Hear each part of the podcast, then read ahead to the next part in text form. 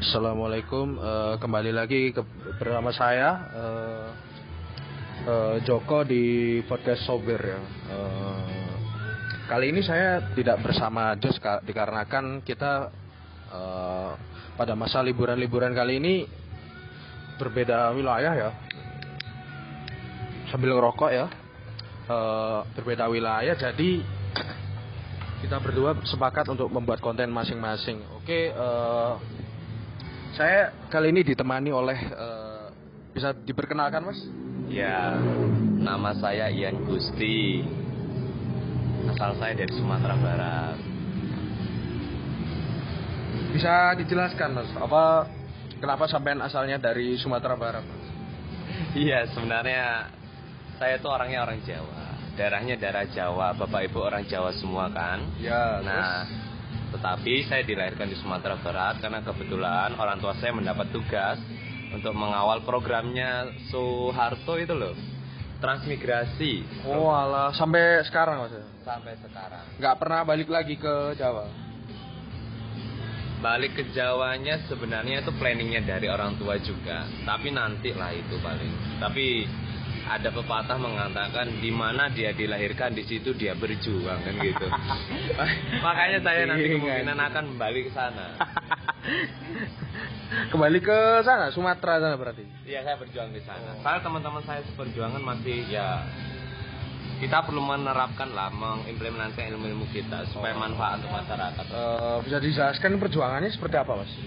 ya dengan misalkan memberdayakan masyarakat teman-teman kami nanti kami ajakkan kerja Oh. kebetulan kan kami kan juga di bidangnya kan pariwisata nih Oh, Nah. jadi ingin mengembangkan wisata Ah, ah. di sana. kemudian Oke. mengajak teman-teman untuk bekerja sama Oke. akhirnya kan angka apa namanya Angka kemiskinan. bisa ditekan Oke, oke, oke.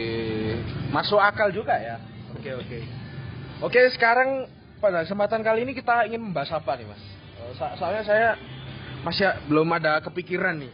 Ya terserah sudah mau bahas apa di warung kopi dan di mata kopi kita sama semuanya Oke, oke. Jadi, eh, for your information, Mas ini nih eh, sastra Inggris, tapi dia ini mendalami sebuah ilmu yang kira-kira orang-orang tuh mikir tanda kutip berat ya. Eh, berkelas lah kira kan. Iya gak berkelas juga. ya biasa kayak gini aja kok. Oke, oke. Karena kita di sastra kan juga mempelajari sosial masyarakat. Siap, siap. Bagaimana? Kalau Oke, kita oke. ada fenomena kayak gini kan gimana? Oh Kan iya, gitu siap, siap, siap. Jadi Mas ini mem- eh, bisa dibilang memiliki ilmu Mas ya. Bidang keilmuan di situ ya. Tentang filsafat ya. Filsafat. Wah, hafal semua nih. Wih, keren ya Mas ini ya. Enggak mas, mas saya ini cuma apa mas?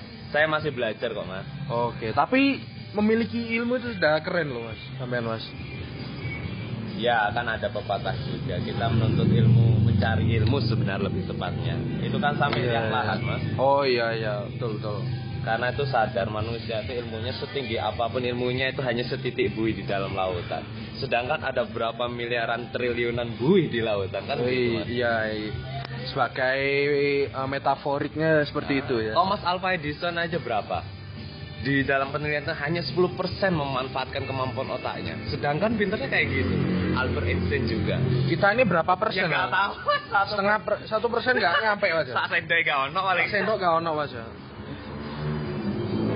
Oke, eh, saya eh, buka per- sebuah pertanyaan nih. Eh, Kira-kira sampai nih sebagai insan di Indonesia gitu kan. Iya. Melihat fenomena yang ada di Indonesia eh, kayak misalkan eh, wajah cantik nih wajah cantik nih standarnya seperti ini yang dibawa oleh eh, sebuah media yang berasal dari negara-negara maju di dunia ini. Eh, Kira-kira menurut sampean ini sampean memandang nih wajah cantik nih. Eh, menurut menurut sampean nih kira-kira wajah cantik nih seperti apa ka- kalau pandangannya sampean gitu? Oke, eh, Bisa dijelaskan. ya sebenarnya itu kan perspektifnya orang-orang toh mas cuman kalau menurut saya cantik itu tuh ada dua ya Oh, ada iya. ada outer ada inner gitu Iya. outer kan yang terlihat inner yang dari dalam Siap. tulisannya perilakunya adab akhlaknya nah Itu masuknya inner kan. Nah, inner itu. Oke. Kalau yang outer yang digambarkan sekarang. Cuman kan yang sekarang itu kan terlalu banyak apa ya Mas ya? Kayak campur tangan dari orang-orang yang memiliki produk kan kayak gitu. Oh iya, berarti sudah pabrikan gitu kan Ah. dalam tanda kutip ya. Mereka kayak punya oh gini loh modelnya cantik, bahwa yang hidungnya mancung itu cantik. Oh iya. Yang putih itu cantik. Padahal nggak semua yang putih dan hidung pancung itu Cantik, cantik, kan kan? gitu. Oke oke, tapi eh, standarisasi dari yang mereka bawa itu sudah menjadi pokok utama di Indonesia, mas. Jadi misalkan cantik itu seperti ini dan eh, orang yang memiliki standarisasi yang berbeda ini dianggap jelek oleh mata Indonesia gitu, mas. Dan yang dibawa oleh media ini, mereka tuh tidak tidak paham bahwa cantik itu juga memiliki inner kan ya. Mm-mm. Oh. Terus eh, kalau menurut sampean cantik itu ada dua tipe kan kayak inner dan outer gitu kan.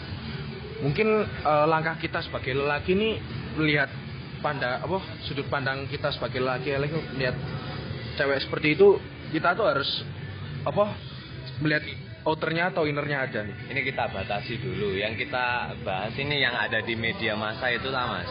Iya, secara generik. ya. Kayak Instagram, Twitter, Iya. Facebook itu kan. Iya. Nah, Mas matur suwun, Mas.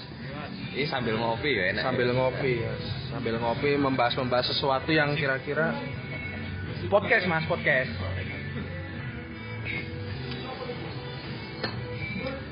oke mohon dilanjutkan Iya. jadi eh, saya ini mem- memiliki eh, saya memiliki latar belakang mas Ya. saya ini menganggap bahwa selebgram ini dia tuh Kita ambil di selebgram misalkan. selebgram. Jadi saya ini memiliki keresahan bahwa orang-orang yang tampil di se- selebgram ini menjadi selebgram, cewek yang menjadi selebgram. Itu mereka tuh menganggap bahwa kasta mereka itu lebih tinggi dari kita-kita gitu Mas. Yang jadi eh, saya menganggap bahwa eh, follower-follower di Insta- Instagram tuh eh, memi- sudah eh, membuat kasta mereka tersendiri gitu Mas. Jadi saya memiliki keresahan. Ini berangkatnya dari dari apa nih mas? Apakah dari kalau dia tidak punya teman follower banyak tidak bisa jadi teman ataukah Betul sekali Mas. Oh itu berangkatnya. Sebenarnya kalau saya melihat kehidupan sosial muda sekarang itu lihatnya mereka lebih condong ke dunia maya, dunia maya Nah, bukan hidup- dunia bukan nyata yang ya. real gitu kan.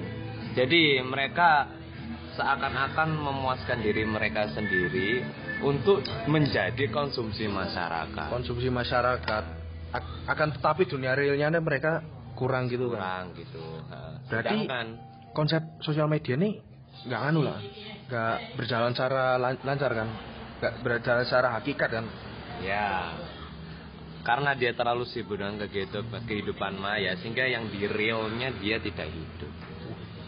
Orang yang bijak itu bisa kedua-duanya, mas. Tapi Oh, saya iya. juga berpikiran ya, mas. Orang yang mengejar kedua kelinci itu bakalan kehilangan dua-duanya ya. Katanya Konfusius sih kayak gitu. ya kan gitu toh mas ya. Ya, sekarang Masuk, ya diukur-ukur sendiri lah batasan-batasannya.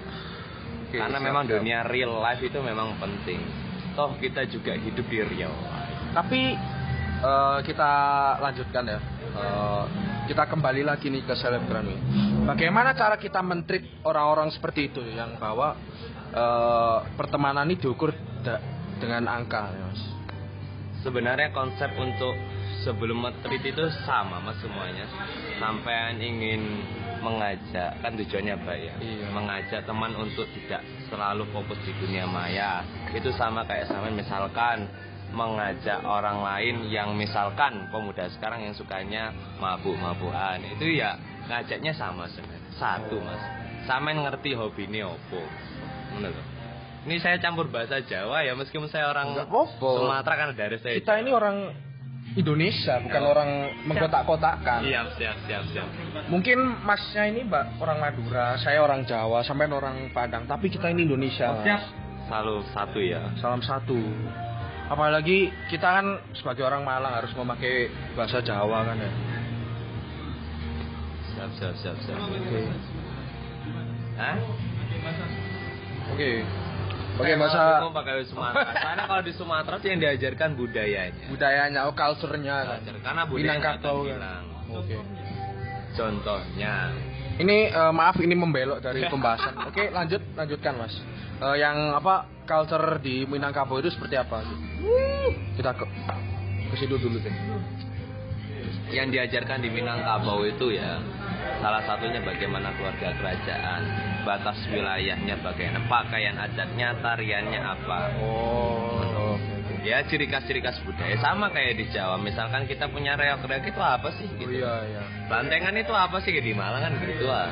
Tari topeng seperti apa? Kemudian logatnya. Eh, kalau kita tarik belakang mas, budaya-budaya di Minangkabau itu, itu pasti saya mengira bahwa di Minangkabau itu memiliki latar belakang historis yang kental di situ kan ya. Juga eh, Minangkabau itu juga memiliki eh, sebuah filosofis mungkin ya, kayak mengapa budaya ini tercipta, mengapa ini apa pemikiran-pemikiran ini tercipta. Mungkin sampean bisa jelaskan apa? Sedikit ya. Oke oke. Nah, jadi di Minangkabau itu asalnya dari Minang dan Kabau. Oke, terus Dulu zaman dahulu orang sana tuh kan kehidupannya bertani ya mas. Nah, petani. Iya. Oh iya iya iya. Nanam-nanam padi gitu loh. oh, Di sela-selanya itu mengadakan perlombaan. Perlombaan. Kerbau. Nah ini nama Minangkabau salah Minang dan Kabau. Kabau itu adalah kerbau. kerbau. Oh, bahasa bahasa apa? Bahasa Padangnya kerbau itu kabau. Ya, Oke. jadi pertarungan kerbau.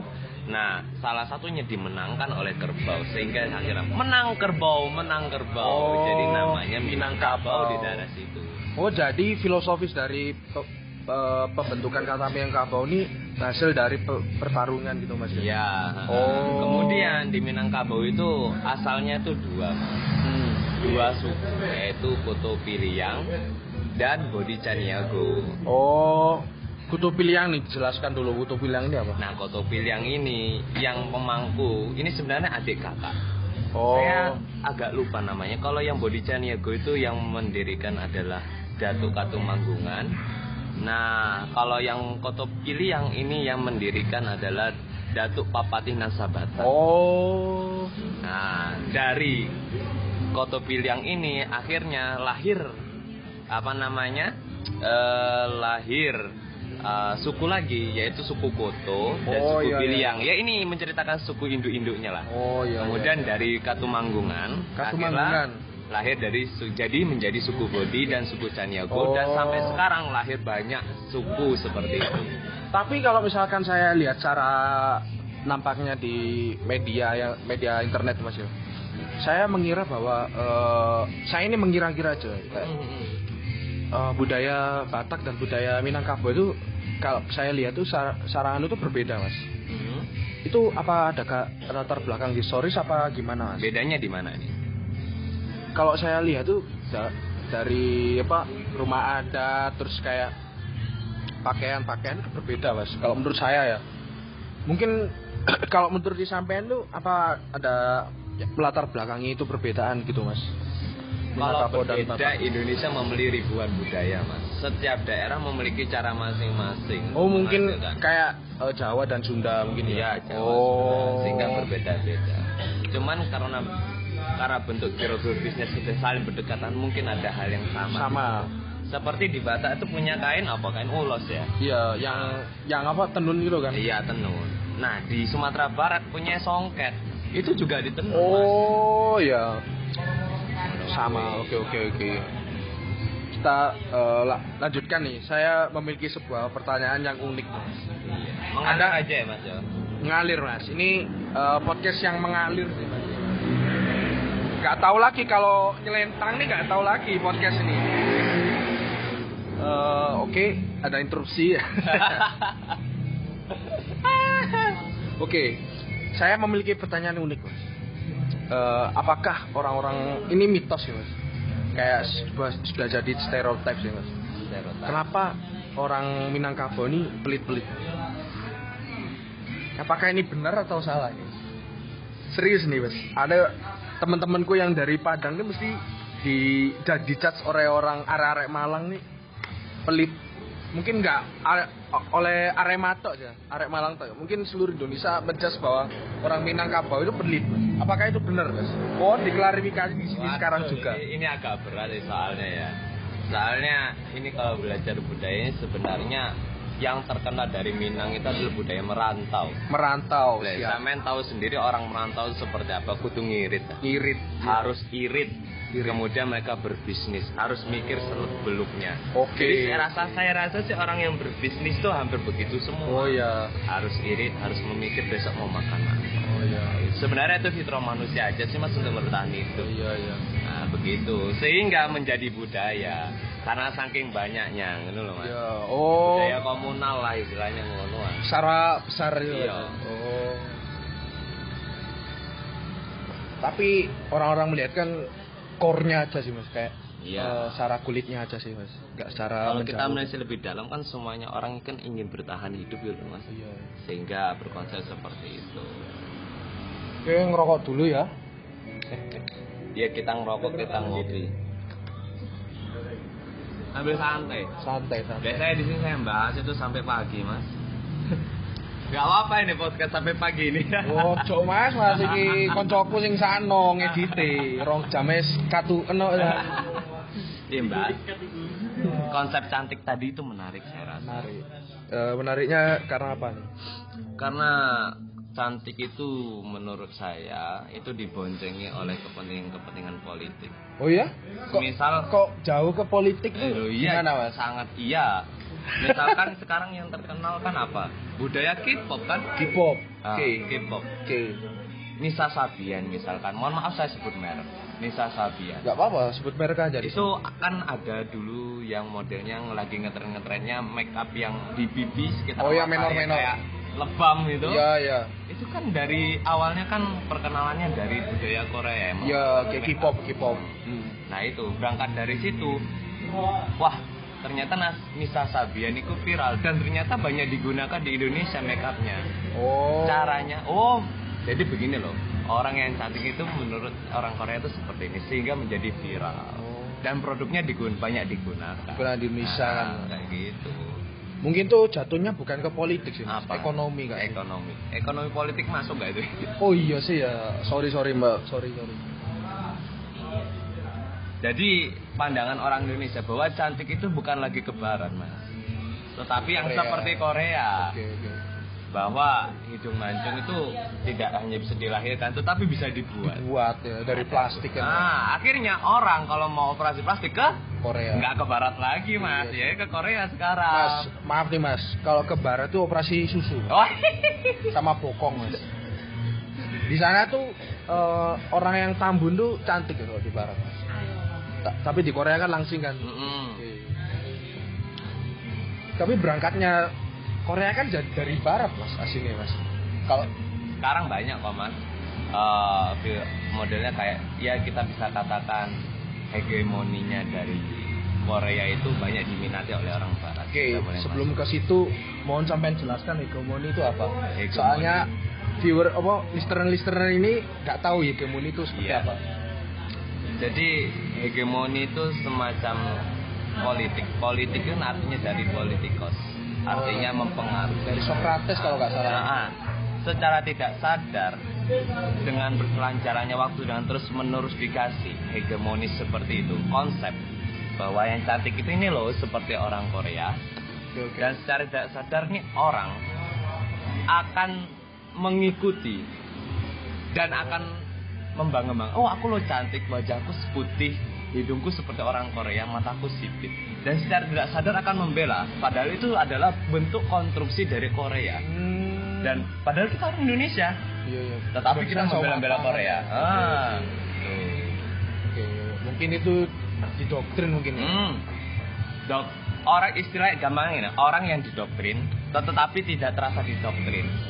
Oh, Ah, iya. itu hegemoni mas.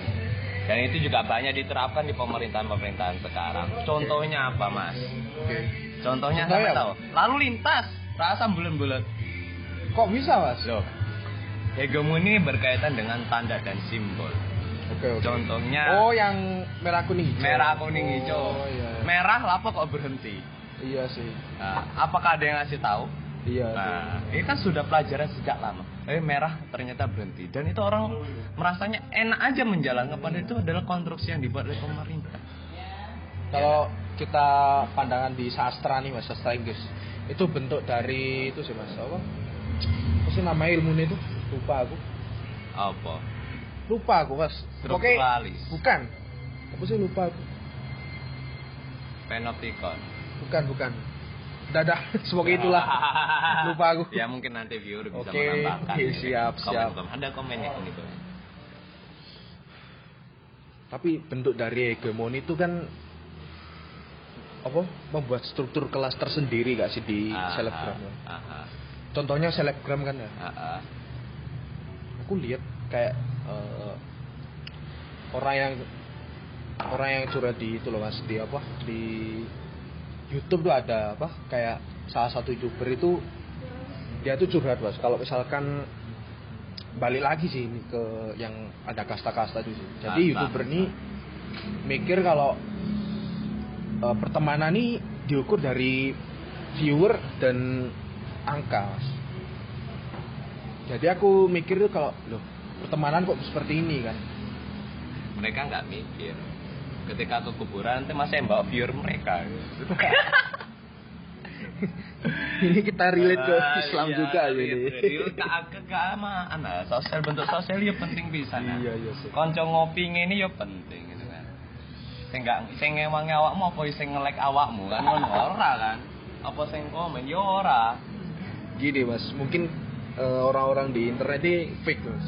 Bisa dikatakan fake. Jadi mereka tuh melihat eh, can- bentuk cantik dan bentuk wajah dan bentuk tubuh kan? Bukan secara real seperti kita ngopi Iya. ini kan? Kalau misalkan dia ketemu di jalan apa say hi? Enggak kan? Gak kenal. Nggak kenal kan soalnya kan? Karena mereka di dunia maya seperti ada yang mas Iya sih. Kalau misalkan cantik nih nggak lepas dari fuckboy. fuckboy itu yang gimana jelaskan namanya fuckboy itu gimana mas mungkin sampai ada pengalaman tersendiri Waduh, aku gak payu mas. Arek lemu ini gambir-gambir ya, gak lemu ya. Gak, pa, gak payu aku mas, mas. tapi ya jangan salah loh mas sampai pergi ke, Af ke Afrika loh yang gemuk-gemuk yang diminati loh Oh iya deh. Apa? Mauritania ya. Iya. Anjing, anjing. yang bokongnya semok sini gede bokong gede itu yang diminati bukan yang kurus-kurus masih nah itu kembali ke konsep cantik di Afrika ada beda lagi di Eropa beda di Korea beda cuman Indonesia sekarang lagi terhegemoni dengan konsep cantiknya Korea iya, iya. dan beberapa orang Barat pun sudah mulai mendalami Tapi gini mas, orang-orang cantik nih, kan mereka tahu cantik kan. Terus kita katakanlah temen-temennya banyak. Tapi kenapa orang-orang seperti ini nih banyak sekali terjangkit penyakit dan tanda kutip depresi. Padahal mereka bisa dikatakan hidupnya sudah sempurna kan, Iya. cantik terus eh, punya banyak teman gitu kan. Tapi aku melihat nih kalau di Twitter Twitter nih orang-orang nih kayak sambat-sambat sambat-sambat gitu sih mas. Sam- yang disambati apa mas ya urip ya mas kayak waduh uripku kok ngene aku sambat ngono ngono. Eh, Uripku kok akelek tapi di dunia live aku nggak ada interaksi. lah iku sebenarnya mereka bukan mereka. Ini saya ngomong untuk diri saya juga ya. Kita tuh sebenarnya hidup terkadang terkunci oleh konstruksi yang kita buat. Oke oke. Bisa dijelaskan tuh seperti apa? Ah, kalau konstruksi yang kita buat itu misalkan saya harus cantik. Saya dengan cantik bagaimana? Saya harus setiap minggunya harus make up dan dengan make up itu ternyata capek. Uangnya banyak kebuang waktu banyak kebuang. Misalkan kita kuliah sekarang banyak kelas yang ditinggalkan. Seperti tugas-tugas tidak justru jalan. membebani seperti malah itu. membebani. Nah kita buat konstruksi kita sendiri tetapi kalau kita harus terbebani sendiri ngono loh iya jadi eh, hidup tuh harus simple kan ya? Kayak oke oke. Seperti itu malah kayak membuat hidup mereka tuh susah sendiri. Padahal mereka kan ingin mencapai sebuah s- apa step bahwa mereka tuh ingin dianggap cantik kan? Ya, betul. Tetapi apakah kita harus terus memasang topeng di kehidupan I- real sih, kita? Kan iya. saya melihat bahwa orang-orang yang hidup di pinggiran katakanlah pinggiran ini saya tidak mau menyebut bahwa itu kampungan ya. Pinggiran tuh kayak hidup di sosial masyarakat yang masih eh, bekerja di bawah UMR gitu kan Iya. mereka tuh justru bahwa mereka justru hidup tuh in- indah-indah aja mas kayak senyum ada terus padahal sosial media mereka nggak punya mas saya justru melihatnya seperti itu Orang dulu nggak usah pakai HP juga juga tenang hidupnya. Mas. Itu. Sebenarnya itu tuh nyari apa sih? Kalau nggak cari tenang. iya sih Mau kita mampir mas. Ini kalau kata Islam kita mampir. Mampir.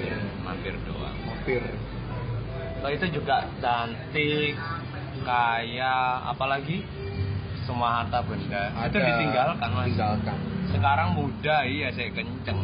Tapi nek enem apa? Jarene apa? Apa kulo? Sih. Apa sih? Pitulas pimpindo. Untuk nek amblas rene kendo. Ya, wis kowe ngono. Sopo sing gelem Mas? Ayo. Ini parian nih ya Iya. Dan budaya-budaya gitu ini ada kaitan dengan konsumerisme Mas yang dalam oh oke oke oke. Bahwa yang namanya konsumerisme dan popularitas awalnya ngehits maka akhirnya akan cepat cepat ambruk. oh iya ini juga diajarkan di sastra Inggris sih Ya, popularisme. apa yang cepat datang maka akan cepat punah. Kayaknya hukum alam deh itu mas. oh, iya kayak Meskipun Ya, tidak eh, semuanya. Ntar di Indonesia ke depannya ada tren baru Ada ya. tren baru lagi, ganti lagi ya contoh. Astagfirullah, ya salam, Mas Isul. Ini Mas saya dari Tulung Agung. mas Kita bahas filsafat duduk sini. Oh siap. Ini kedatangan. ini kedatangan tamu nih. tamu nih dari Tulungagung nih Teman saya berfilsafat. Sangat cocok sekali timingnya ini. Ini sampai pagi gimana nih? Waduh Sikat terus. Mas, Ijo sedang bergabung. Iya. Oh, siap. yang mana ya? Yang mana kuwi wonge? oh siap mas Oh, siap. siap siap Define, define rokok. Define, siap. Rokok. Kopi mas kopi kopi Ini teman saya dari Tulungagung. oke Kuliahnya di Universitas Negeri Malang. oh Teknik elektro. oh elektro. Tapi beliau sering membahas tentang filsafat yang berkaitan lebih terakhir tentang astronomi. astronomi Nah, kenapa bisa ada terciptanya planet? Oh. Kemudian, nah, kenapa cantik itu gimana sih?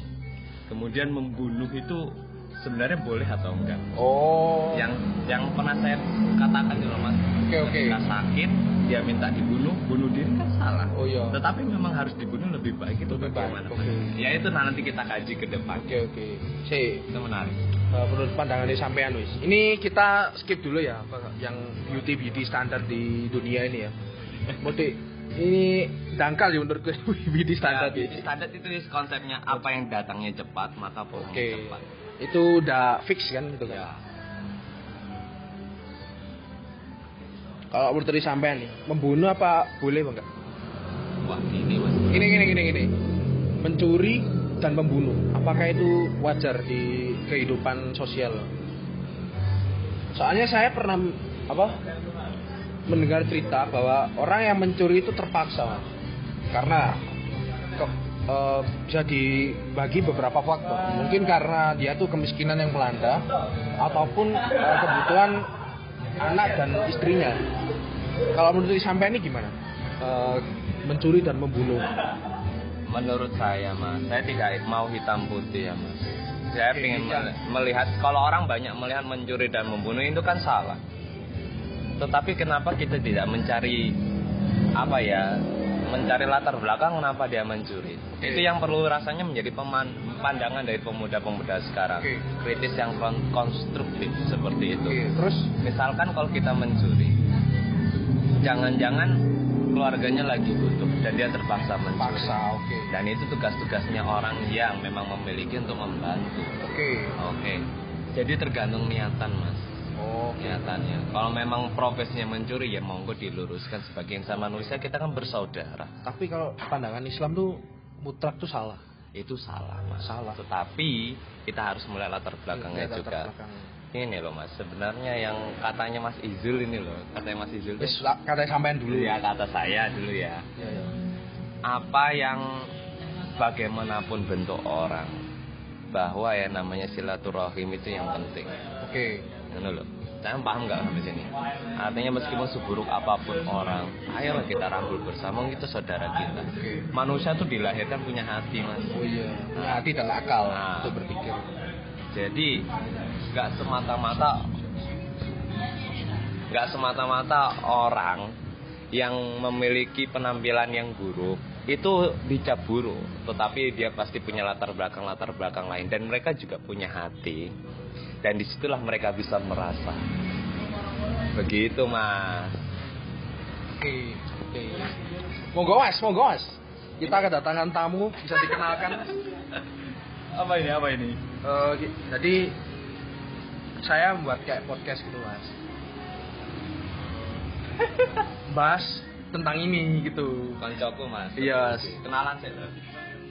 Satu kampus Enggak, aku PKL mas. Aku Joko mas. Ijul. So? Ijul. Ijul dari Universitas mana? UM. Mas. Oke. Ini lagi bahas tentang mencuri dan membunuh, you know, Mas Ijul. Oke mas. Itu benar apa salah Oke. Harmono? Mas? Eh, Ya, Mas, ya. Oke, menurut pandangannya sampean. Saya tahu.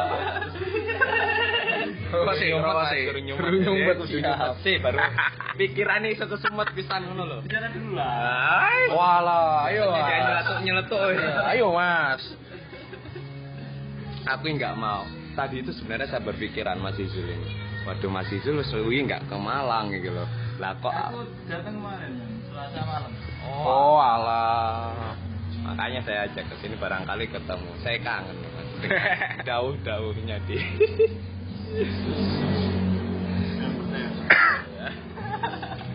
Jangan merendah gitulah mas. Sampean mas. Gimana? Gimana? Oke, menurut sampean membunuh tuh apakah salah apa benar? Siap di sumet dulu, woy. Ya, kayak gitu. Biar kesumet pikirannya. Oke. Kalau menurut saya itu hanya kata kerja kan ya. Kata kerja. Membunuh, mencuri itu kata kerja. Baik buruknya itu tergantung situasinya. Oh. Eh, bisa dijelaskan eh, situasinya itu seperti apa? Berarti sampean mewajarkan membunuh itu. Gini, kalau misal zaman dulu Nabi perang, kan juga membunuh, Membunuh. ya kan? Tapi dalam situasi seperti itu kan tidak apa-apa, malah masuk surga jihad. Mampu kan? Oh iya jihad kan ya. Berarti membunuh kafir kan? Ya waktu masa zaman itu pas zaman perang kan kalau dulu kan jadi dengan perang karena Oke. jadi dengan perang apa karena itu keras jadi kan Nabi diserang dulu kan serang balik nah itu kan Eh, pertahanan diri Oke. Eh, contoh perang yang dilakukan Nabi, Mas. ini lebih tahu nama-namanya. Ada, namanya perang itu perang perang Badar, Perang ada Badar. perang Khandaq, Kondak. ada perang apa lagi itu perang Uhud. Perang Uhud. Ya, itu yang tiga itu yang diceritakan dalam tafsir-tafsir itu yang paling banyak disarahkan lah istilahnya. Sarah itu yang diceritakan. Seperti itu. Jadi kuno mas pandangannya menurut ini guru saya sebenarnya. Lah, Mas. semua di sini tuh sharing Oh, Nggak ada atasan bawah Di hadapan kopi kita sama ya. Iya, di hadapan kopi kita sama. Oke, telat ini Mas siapa, Mas? kalau boleh tahu nama saya dari tadi kok gak diomongin Arif Oke, ini kita kekeluargaan ngopi gitu kan. untuk yang perang tadi perlu digarisbawahi kalau dalam Islam nggak pernah inisiasi perang nggak pernah. Itu bentuk bela diri. Bela diri. tidak pernah memulai. Oh. Islam nggak pernah memulai perang. Tidak ada seperti Napoleon Bonaparte mau menguasai Eropa dengan perang. Itu nggak sama sekali. Jadi Islam hanya ketika diserang makanya bela membela diri. Oke, perangnya itu karena itu. Tidak pernah Islam memulai. Kalau yang perang itu, perang Crusade, perang salib. Nah, itu kan Nah, aku sejarahnya belum tahu itu pastinya gimana. Mungkin Samen bisa jelaskan dulu sejarahnya. Perang salib, Mas, yang perang mempertahankan Yerusalem dari Romawi. Itu kayaknya ya kalau kita apa tarik ulur ya, apa benang merah yang udah disampaikan Nabi itu hanya mempertahankan diri kan dari serangan kafir. Mungkin perang salib itu umat muslim mempertahankan Yerusalem dari itu kan dari Romawi mungkin ya. Terus eh, kalau Salahuddin. Saladin Saladin Al Al-Ayyubi. Sama oh iya. tahun di film kan itu ya Kingdom of Heaven. 1066. Iya kan? tapi Kingdom of Heaven itu sudut pandangnya Kristen bukannya Islam. Tapi aku lihat di film itu pun ya Ada konstruksi ya, Mas ya. nah, Yang berusaha dibangun. dijelaskan konstruksinya itu seperti apa Kalau saya menilik dari filmnya sendiri saya belum lihat. Kalau Mas Izulnya mungkin bisa mencara ceritakan alur ceritanya. Tapi di sini saya menebak. iya Saya menerka. menerka menerka Sepertinya film ini dikonstruksikan untuk memenangkan apa ya, mengunggulkan dari agama Kristiani, bukan sih? Betul tidak Mas Izul? Mungkin aja sih. Iya. Iya.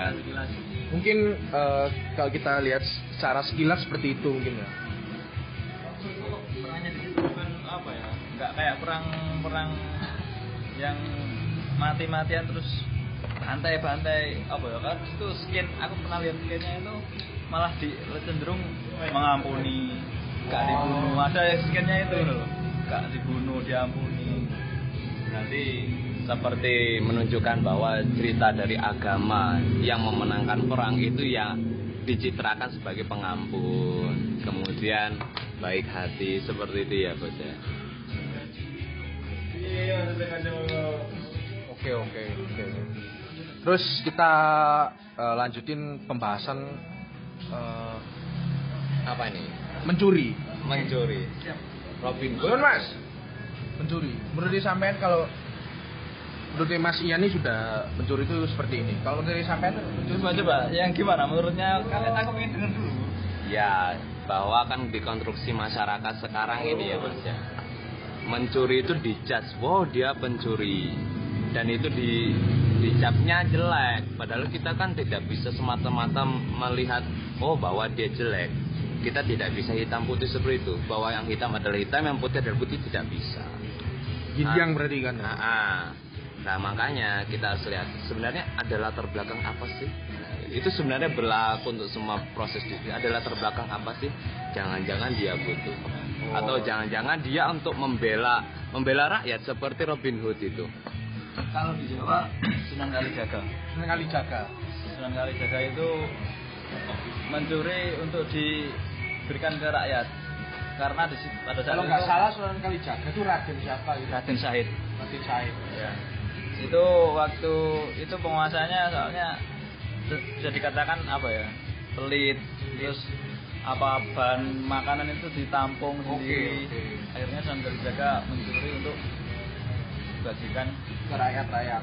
Oke. itu pun tanpa sepengetahuan rakyatnya jadi setelah mencuri malam Kalijaga sebelum subuh itu ditaruh di depan rumah beras pisang terus di dia bagi Itu sebelum dia masuk Islam kan? Sebelum ketemu Sunan Bonang ya Mungkin viewer viewernya di sini bisa menilai langsung ya dari kisahnya Sunan Kalijaga. Tetapi jangan menghalalkan mencuri itu ya. Iya, tidak ini boleh. perlu digarisbawahi Nah. bahwa kita ini membahas mencuri ini berdasarkan sudut pandang kita masing-masing ya. Oke oke. Terus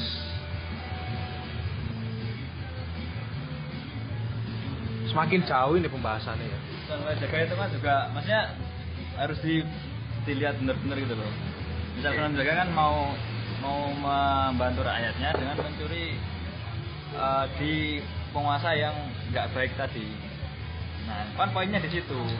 Maksudnya haknya rakyat gitu loh yang diambil di situ. Jadi jangan sampai nanti disalahgunakan kita mencuri untuk teman-teman kita yang lagi tidak ada uang gitu misalnya. Tapi kita mencurinya kepada orang-orang yang tidak bersalah ya sama saja. Itu kan yang namanya dolim. Gitu. Iya, Dolim. tidak menempatkan sesuatu pada tempatnya dolim itu. Berarti ini paradoks, Mas. Gimana? Paradoks itu bertentangan gitu ya Mas. Iya. ya.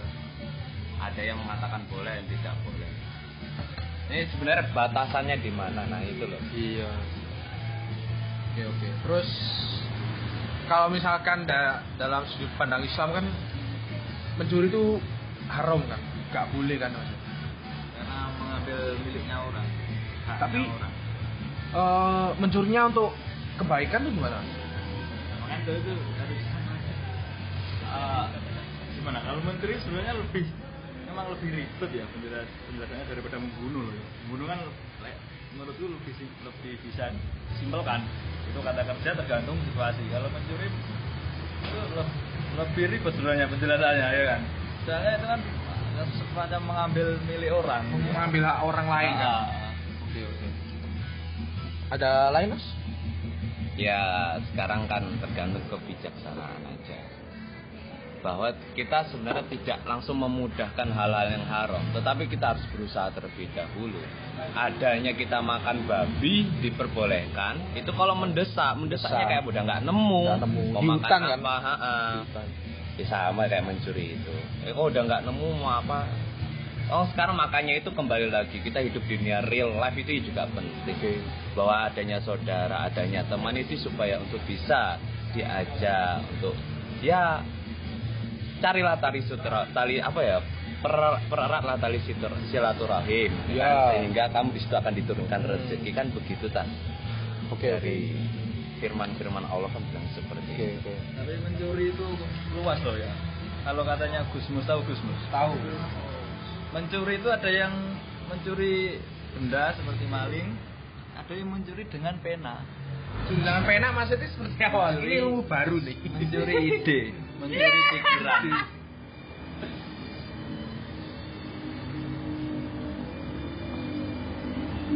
Kalau ini aku ini aku nganu wis kayak berandai-andai. wis. Kalau misalkan kita eh, saya nih sebagai perumpamaan yo. Saya menjabret eh, apa? begal motor wis. Saya jual dan saya belikan kambing untuk kurban.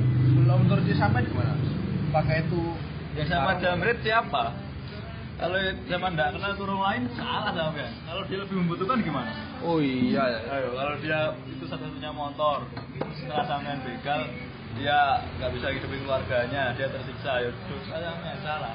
Makanya jangan terlalu menggampang-gampangkan. Karena urusan mencuri itu harus apa ya? Harus bijak, benar-benar bijak gitu loh. Emang cenderung nggak boleh karena urusannya merenggut milik orang. Berarti fix ya. Berarti mencuri ini harus dipikir-pikirkan kayak ini untuk apa itu. Oke. Kondisinya. Kalau untuk Sini mas, mas, sini mas. Ditelepon aku. Oh iya. Oke. Oke, maaf eh, ada interupsi mendadak ya. Oke, kita lanjutkan mas. Eh, kita eh, sudah sudahi eh, pembahasan tentang mencuri dan membunuh. Saya ingin apa? Tahu sudut pandang dari Mas apa? Mas Isul, apa menurut sampean definisi cantik dan eh, definisi menarik di pada zaman sekarang ini seperti apa? Cantik. Mungkin ini eh, terlihat catchy, tapi saya ingin tahu sudut pandangnya Mas Izul. Cantik itu relatif. Iya. Sudah, seperti itu kan? Kan apa ya berhubungan erat dengan estetika kan keindahan. Estetika, keindahan. Siap. Nah itu kan relatif tergantung bagaimana personalnya menikmati. Bagi, Tapi- bagi orang Afrika hitam itu cantik, yang putih itu jelek malah. Dan kalau bagi orang Indonesia mungkin apa orang yang Asia. ah, Asia lah, mungkin bisa melihat beda pandangan. Itu kan tergantung orangnya. Oke. Tapi kalau eh, yang pendu- men- apa pendapatnya Mas Ian ini eh, in- standar cantik Indonesia itu karena hegemoni Mas ya. Iya. hegemoni struktur yang dibentuk tetapi orangnya tidak merasa diatur Kalau menurut sampean, eh, apakah sampean memiliki sebuah pendapat tersendiri mengenai hegemoni yang Mas Ian jelaskan nih? Monggo. kadang itu orang itu terjebak dengan apa ya standarisasi umum Standarisasi kalau cantik harus gini cantik harus gini alisnya harus tebal Oke, oke. Mungkin karena eh, hegemoni itu ya, yang terpengaruh dari Korea kan. Kalau kita tarik ulur ya Indonesia sekarang. Sebenarnya itu sudah mengalam- mengalami pergeseran pandangan masalah cantik itu mas. Dulu kita cantik itu bahwa orang yang tinggi putih hidung mancung badan tegap seperti orang Belanda itu cantik. Tetapi karena pengaruh budaya populer sekarang Korea masuk dan itu banyak diminati maka itu yang dianggap cantik. Bergeserlah dari budaya barat menjadi budaya apa Korea. Sebenarnya itu tidak terlepas dengan itu loh mas apa namanya latar belakang penjajahan kolonial di Indonesia. Oke, imperialisme imperialisme ha. dulu kan kita dijajah sama Belanda. Mungkin mental inlander. aha. Dulu kita dijajah sama Belanda sehingga wanita Belanda itu yang dianggap cantik dianggap seksi. Sehingga orang-orang Indonesia ingin seperti itu bokongnya besar payudaranya besar badannya tegap Sekarang bergeser kan. sekarang bergeser ya sebenarnya itu terpengaruh oleh budaya komunal mas dan popularisme itu aja sih Oke, oke. sangat relatif itu sangat relatif kalau sampai baca-baca sejarah-sejarah tentang kecantikan di negara-negara lain kayak di Cina itu ada pernah ada standar kecantikan itu kalau nggak salah kakinya ada di Oh, yang Ya. di jahit itu kan. sampai apa dari kecil dipakai Oh, sepatu iya, iya. press Oke, oke. iya, iya. kan zaman dahulu itu dianggap cantik ada yang negara mana itu giginya hitam itu cantik Jepang. Jepang ya Jepang. Nah, terus kan berubah Berubah. jadi sangat Relatif relatif, ya? sangat relatif Kalau di Afrika yang badannya besar itu yang malah jadi istri yang paling cantik ya. Gemuk besar. Padahal kan di Indonesia berbeda. Berbeda. Harus langsing. Ya kan harus proporsional. sangat relatif sangat terpengaruh tempat terpengaruh situasi nah, terpengaruh budaya sangat relatif Oke, oke. kalau untuk personal uh, individu orang bahkan ada yang saya kenal apa istilah cantik dari dalam. Inner beauty. Inner beauty. itu kan apa ya ketika kita melihat orang itu kita merasa itu cantik luar biasa. Padahal secara umum mungkin tidak. Nah itu kita yang merasakan inner beauty-nya bisa jadi itu karena kita suka dengan dia Tapi saya merasa kalau inner beauty pada cewek-cewek zaman sekarang itu tergeser dengan tampilan luarnya, Mas. Make up. Nah, kosmetik lah.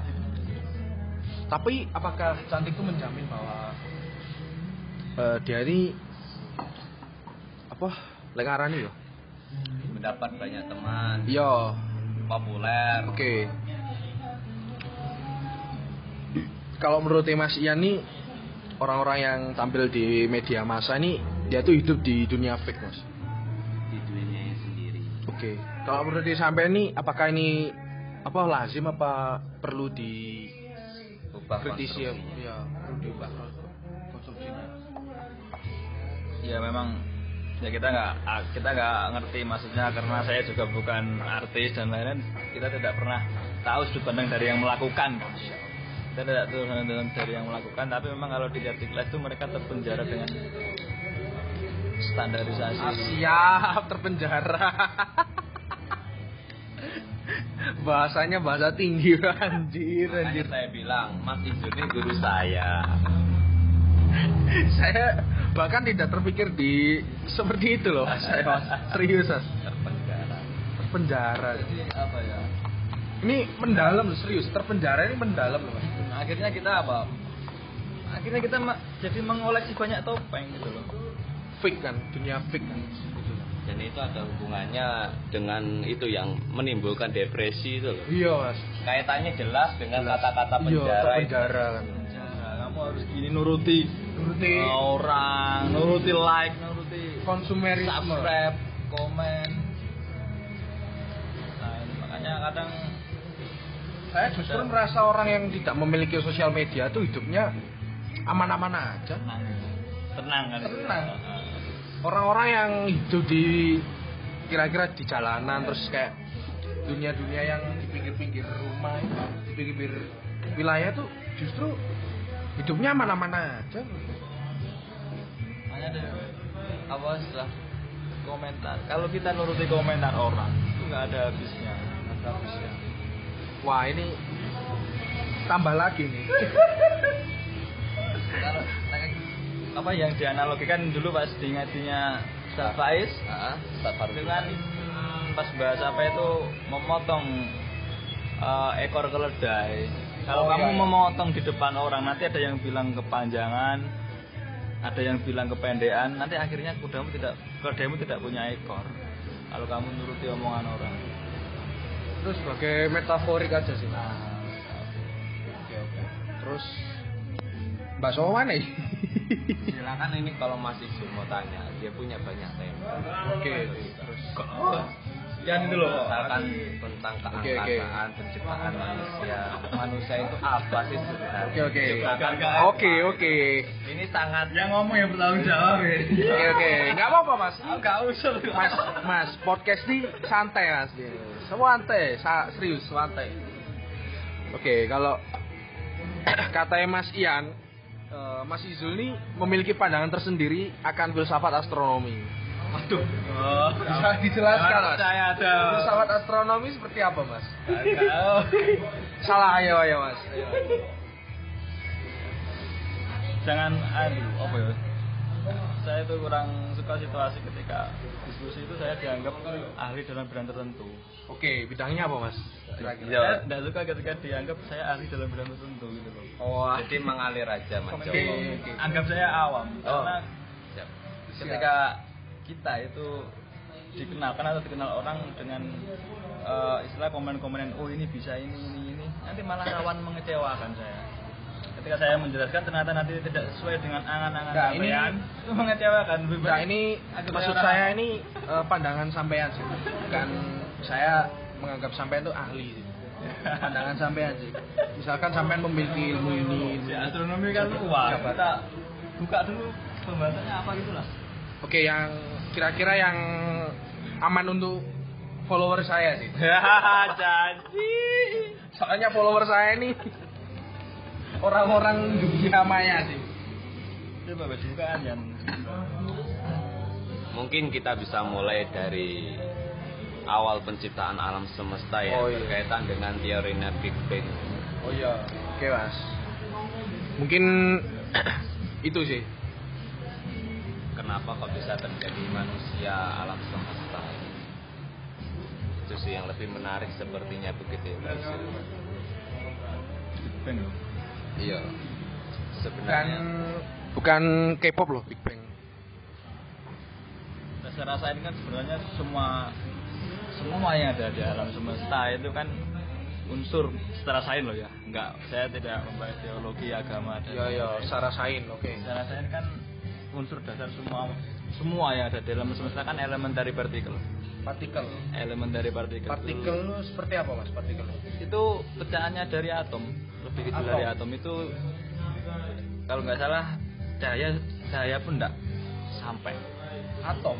untuk mengidentifikasi elemen kalau atom kan nyampe dah ya makanya kita bisa mengidentifikasikan bahkan ilustrasinya ada kalau elementary particle itu lebih kecil lagi dari atom Oh. itu bahkan nggak- makanya ilmuwan tidak bisa menggambarkan karena mik- mikroskopnya nggak sampai itu kan Hmm. cahaya kan nggak nyampe tapi kalau dari sains semua itu tercipta dari itu dan nanti kenapa kok bisa terbentuk ian bisa terbentuk meja itu tergantung susunannya Susunan intinya. nanti kalau di kimia kan ada yang molekul-molekul susunan nanti kalau air nanti ya H2O itu ada nah, tapi kalau diuraikan ke yang terkecil elementary particle semua semuanya itu sebenarnya itu kayak apa ya Mas ya?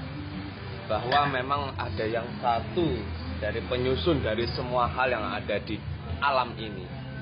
Bahwa ujungnya akan satu sepertinya seperti itu. Dan itu tidak musnah. Tidak musnah. Tak musnah. Tidak musnah. Ya ini apa? Rokok saya bakar kan dia berubah menjadi asap. Terus ada yang dan lain-lain. Kalau dikumpulkan lagi kalau kita bisa itu kan sebenarnya bisa dibuat rokok lagi kalau kita bisa menyusun elemen dari apa partikelnya molekulnya. Sebenarnya tidak musnah cuma ya itu. Me, apa ya berubah berubah terus memisah dan lain-lain menjadi abu dan lain-lain oke oke makanya jumlahnya tak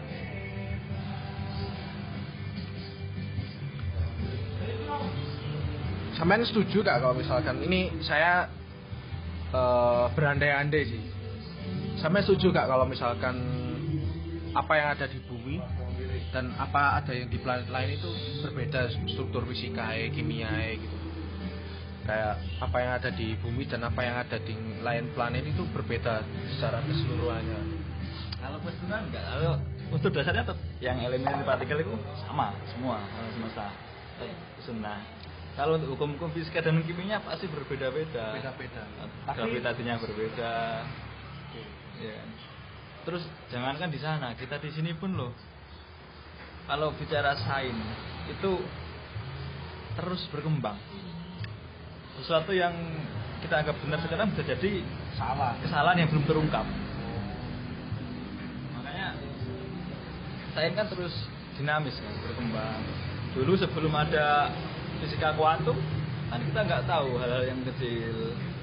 Terus kita kalau istilah ibaratnya kalau diberatkan hukum-hukum fisika klasik kan banyak yang runtuh karena fisika kuantum. Berla-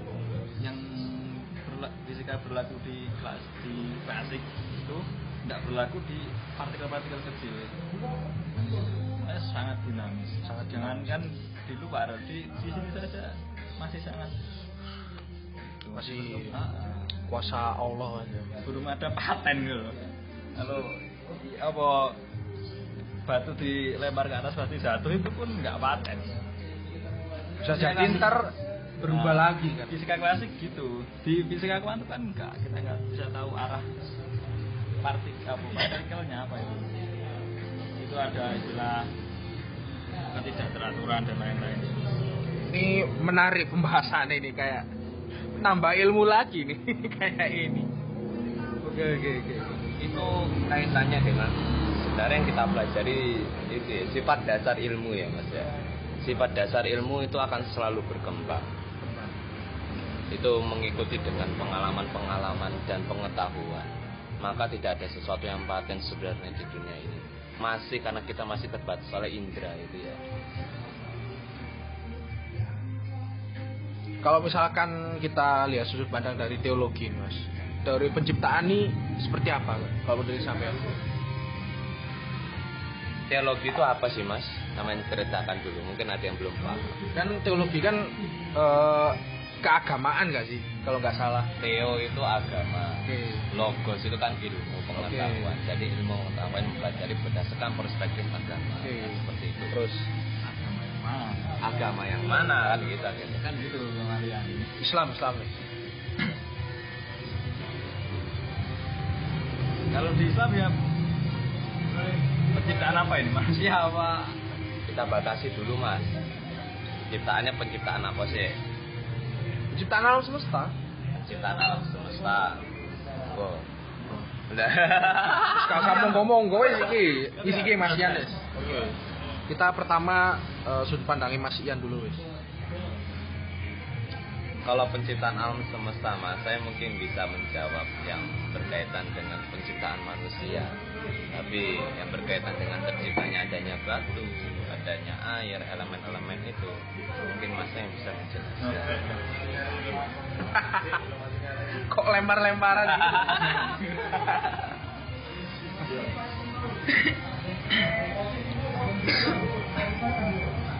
Ke mana ya gitu? Ini podcastnya karena kita membahas filsafat ya, jadi cenderung seperti banyak mikir. Orang kalau berfilsafat itu dulu kan ada tokoh siapa itu yang merenung kan jadikan patung.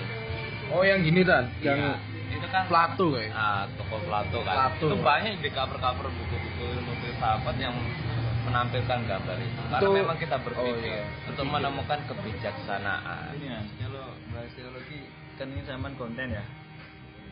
Kalau bahas teologi kan itu masalah sudut pandang agama mungkin masalah Tuhan. Kalau filsafat keagamaan itu agak rawan Iya sih, iya, iya. itu bahaya Saya iya sih.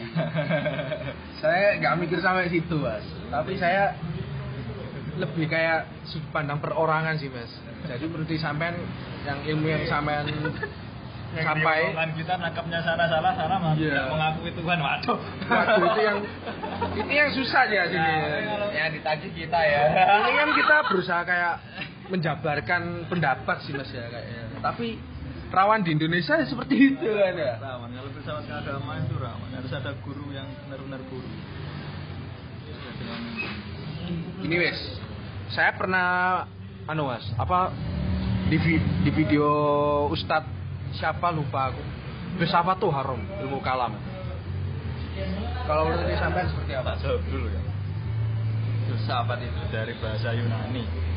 Yang artinya cinta kebijaksanaan cinta kebijaksanaan mengagumi ilmu pengetahuan yang di mana filsafat itu pasti ada di setiap aspek gitu loh kalau sampean mengharapkan filsafat ya nggak mungkin sampean lo lahir itu pasti berfilsafat Iya.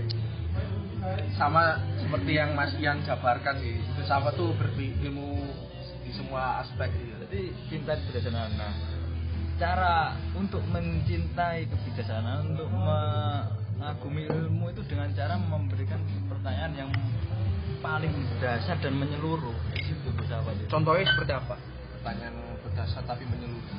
Dan menyeluruh. Dan menyeluruh itu ya, misal kalau di fisika mungkin cuma kita bahas misal kecepatan terkait jarak dan waktu rumusnya kan ada kalau di filsafat ditanyakan waktu itu apa jarak itu apa kan itu lebih mendalam dan menyeluruh Ini jauh ini, jauh, jauh, jauh. makanya gini loh Apa, kadang apa?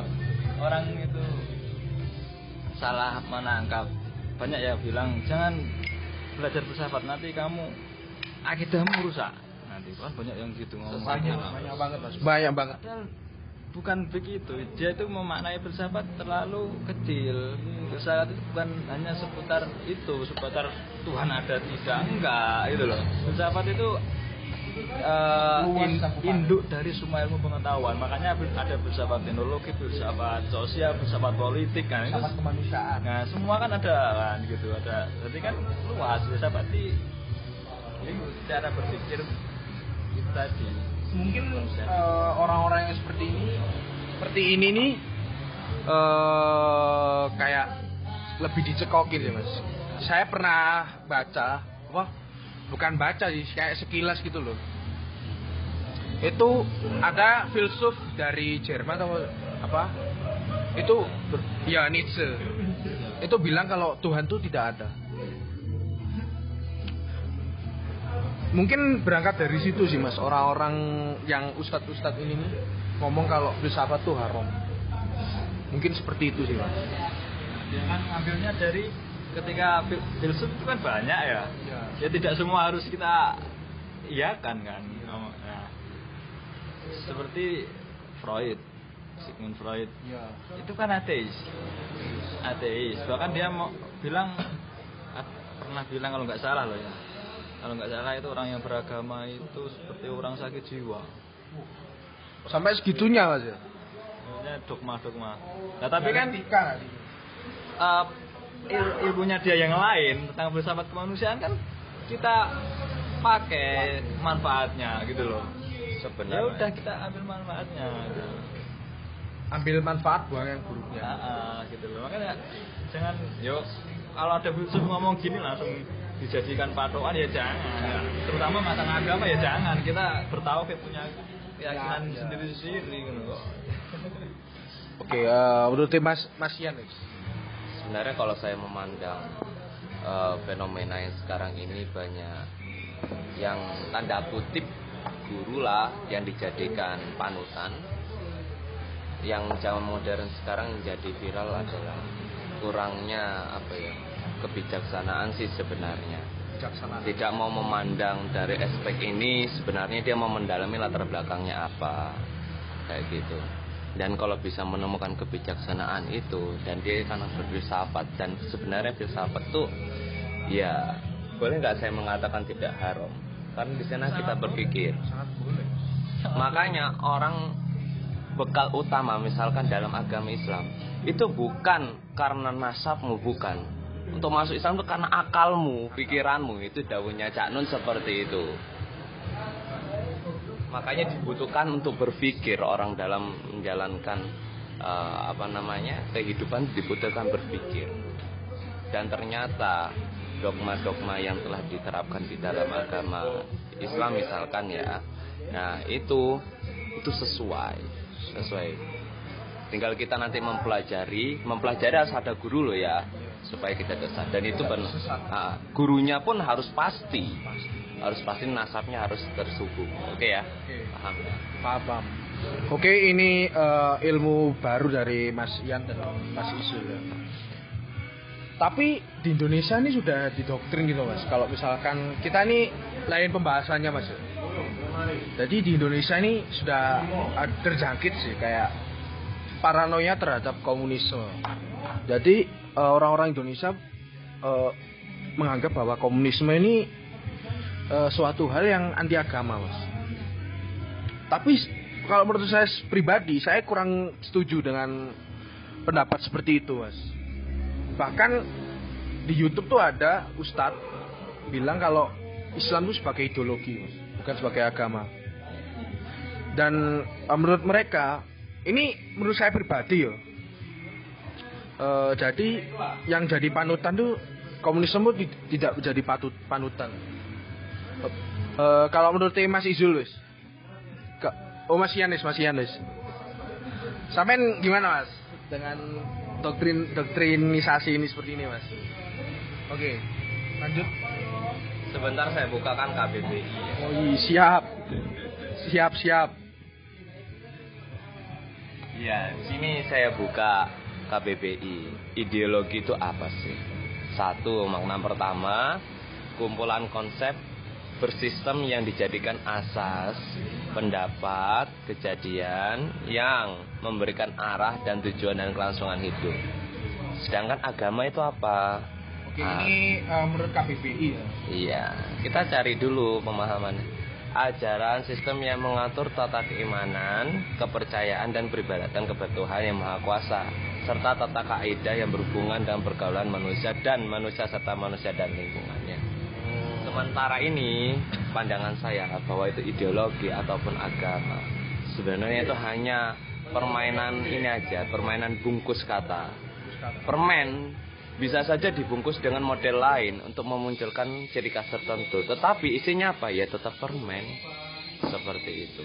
Menurut saya sementara ini dan pendapat saya ini belum tentu benar. Ini saya sih nggak apa-apa sih ini ber- apa kebebasan ber- berpendapat sih kalau apa kalau eh, podcast saya nih mas nggak apa-apa sih kalau misalkan eh, berangkat lagi nih eh, dari pertanyaan saya nih eh, kalau sampean setuju gak kalau misalkan agama Islam itu melarang ideologi komunisme? Soalnya eh, benang merah kan ada peristiwa-peristiwa sejarah yang eh, bisa dikatakan buruk di Indonesia komunisme. Yang mengatakan Islam menentang komunisme siapa? banyak mas. Kayak ada ustadz-ustadz tertentu tuh bilang kalau komunisme itu adalah ajaran. Ini yang saya lihat di video ya Eh, komunisme ini ajaran Thomas Darwin. Kalau menurut sama gimana? Ideologi politik. Dari Karl Marx. Karl Marx. Kak Marxis kan? Nah, Oh, apa ya? masyarakat tanpa anu kan tanpa kelas Iya. kan itu. Sebenarnya gini itu lebih ke tidak bisa dipakai di Indonesia gitu loh makanya Bung Karno Gini loh, memberikan memberikan ideologi Mas. gitu. Marxisme. Marxisme oke. Jadi itu sebenarnya kecocokan di negara sih sebenarnya mas. Jangan di di apa ya di generalkan Islam. Di misalkan Islam Islam itu lebih luas. Islam itu masalah keyakinan soalnya keyakinan seseorang. Tapi zaman sekarang ini orang berani mas kalau apa bahwa komunisme ini menentang Islam. Ya, mungkin dilihat dari sejarahnya dulu juga mungkin. Mungkin gimana sejarahnya dulu. Kan man- kita berpendapat manusia ber- masyarakat berpendapat ini kan kadang juga berdasarkan sejarah. Sejarahnya komunis Indonesia itu seperti apa mungkin. Mungkin dari mereka yang itu mungkin dulu pernah melihat apa melihat sejarah dulu itu orang komunis itu istilahnya me- apa ya memerangi Islam atau bisa saja seperti itu. Makanya yang ter apa termindset di otaknya kan komunis itu lawannya Islam. Gitu. Berarti berangkatnya sejarah dong. Kata saya sejarah kan di Indonesia Tapi banyak mas, apa ulama-ulama yang berpaham komunis mas. berpaham komunisme Aidit. Eh, lupa aku siapa namanya ya Allah. Kartus Wiryo. Selain ada lagi, lupa aku namanya mas. saya sebenarnya nggak berani berbunyi bahwa Kiai Wirjo itu sebagai orang yang berpahaman komunis karena saya sendiri masih belum menilik latar belakang. Sebenarnya kalau untuk menilik permasalahan yang benar-benar apa ya bisa kita bilang riskan ya riskan terlalu apa ya ber memiliki dampak yang terlalu besar. Itu kita perlu ya kembali lagi kita lihat latar belakangnya bagaimana. Sebenarnya sejarahnya seperti apa sih? Makanya katanya Soekarno itu jas merah itu loh mas. Jangan lupa sejarah. iya jangan pernah melupakan sekali sekali melupakan sejarah Tapi ada salah satu kutipan mas. apa Sejarah itu dibuat oleh pemenang.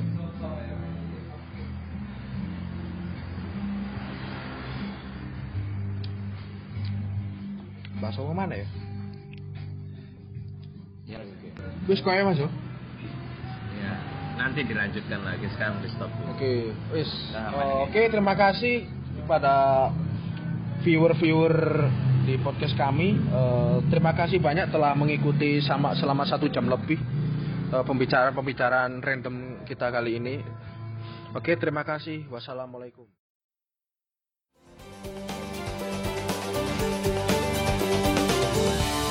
Kue pancong dijual kok Ernest. Eh dimakan rupanya mengandung klorin. Nggak kerasa sudah di penghujung podcast. Makasih ye udah pada dengerin.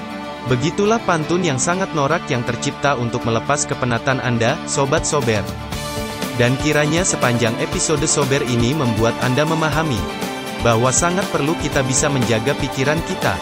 Karena sesungguhnya, sumber keresahan hidup ada di dalam persepsi oleh pikiran kita tentang hal yang akan kita hadapi suatu saat. Jadi, jagalah pikiran Anda karena pikiranmu, harimaumu. Tetap bersabar menunggu sesuatu yang baru dari Sober untuk Anda semua. Nantikan tanggal peluncuran yang baru dari Sober yang akan diumumkan di minggu depan. Jadi, sampai bertemu minggu depan dan selamat menjalani hari-hari Anda penuh warna. Damai sejahtera Malang, damai sejahtera Indonesia.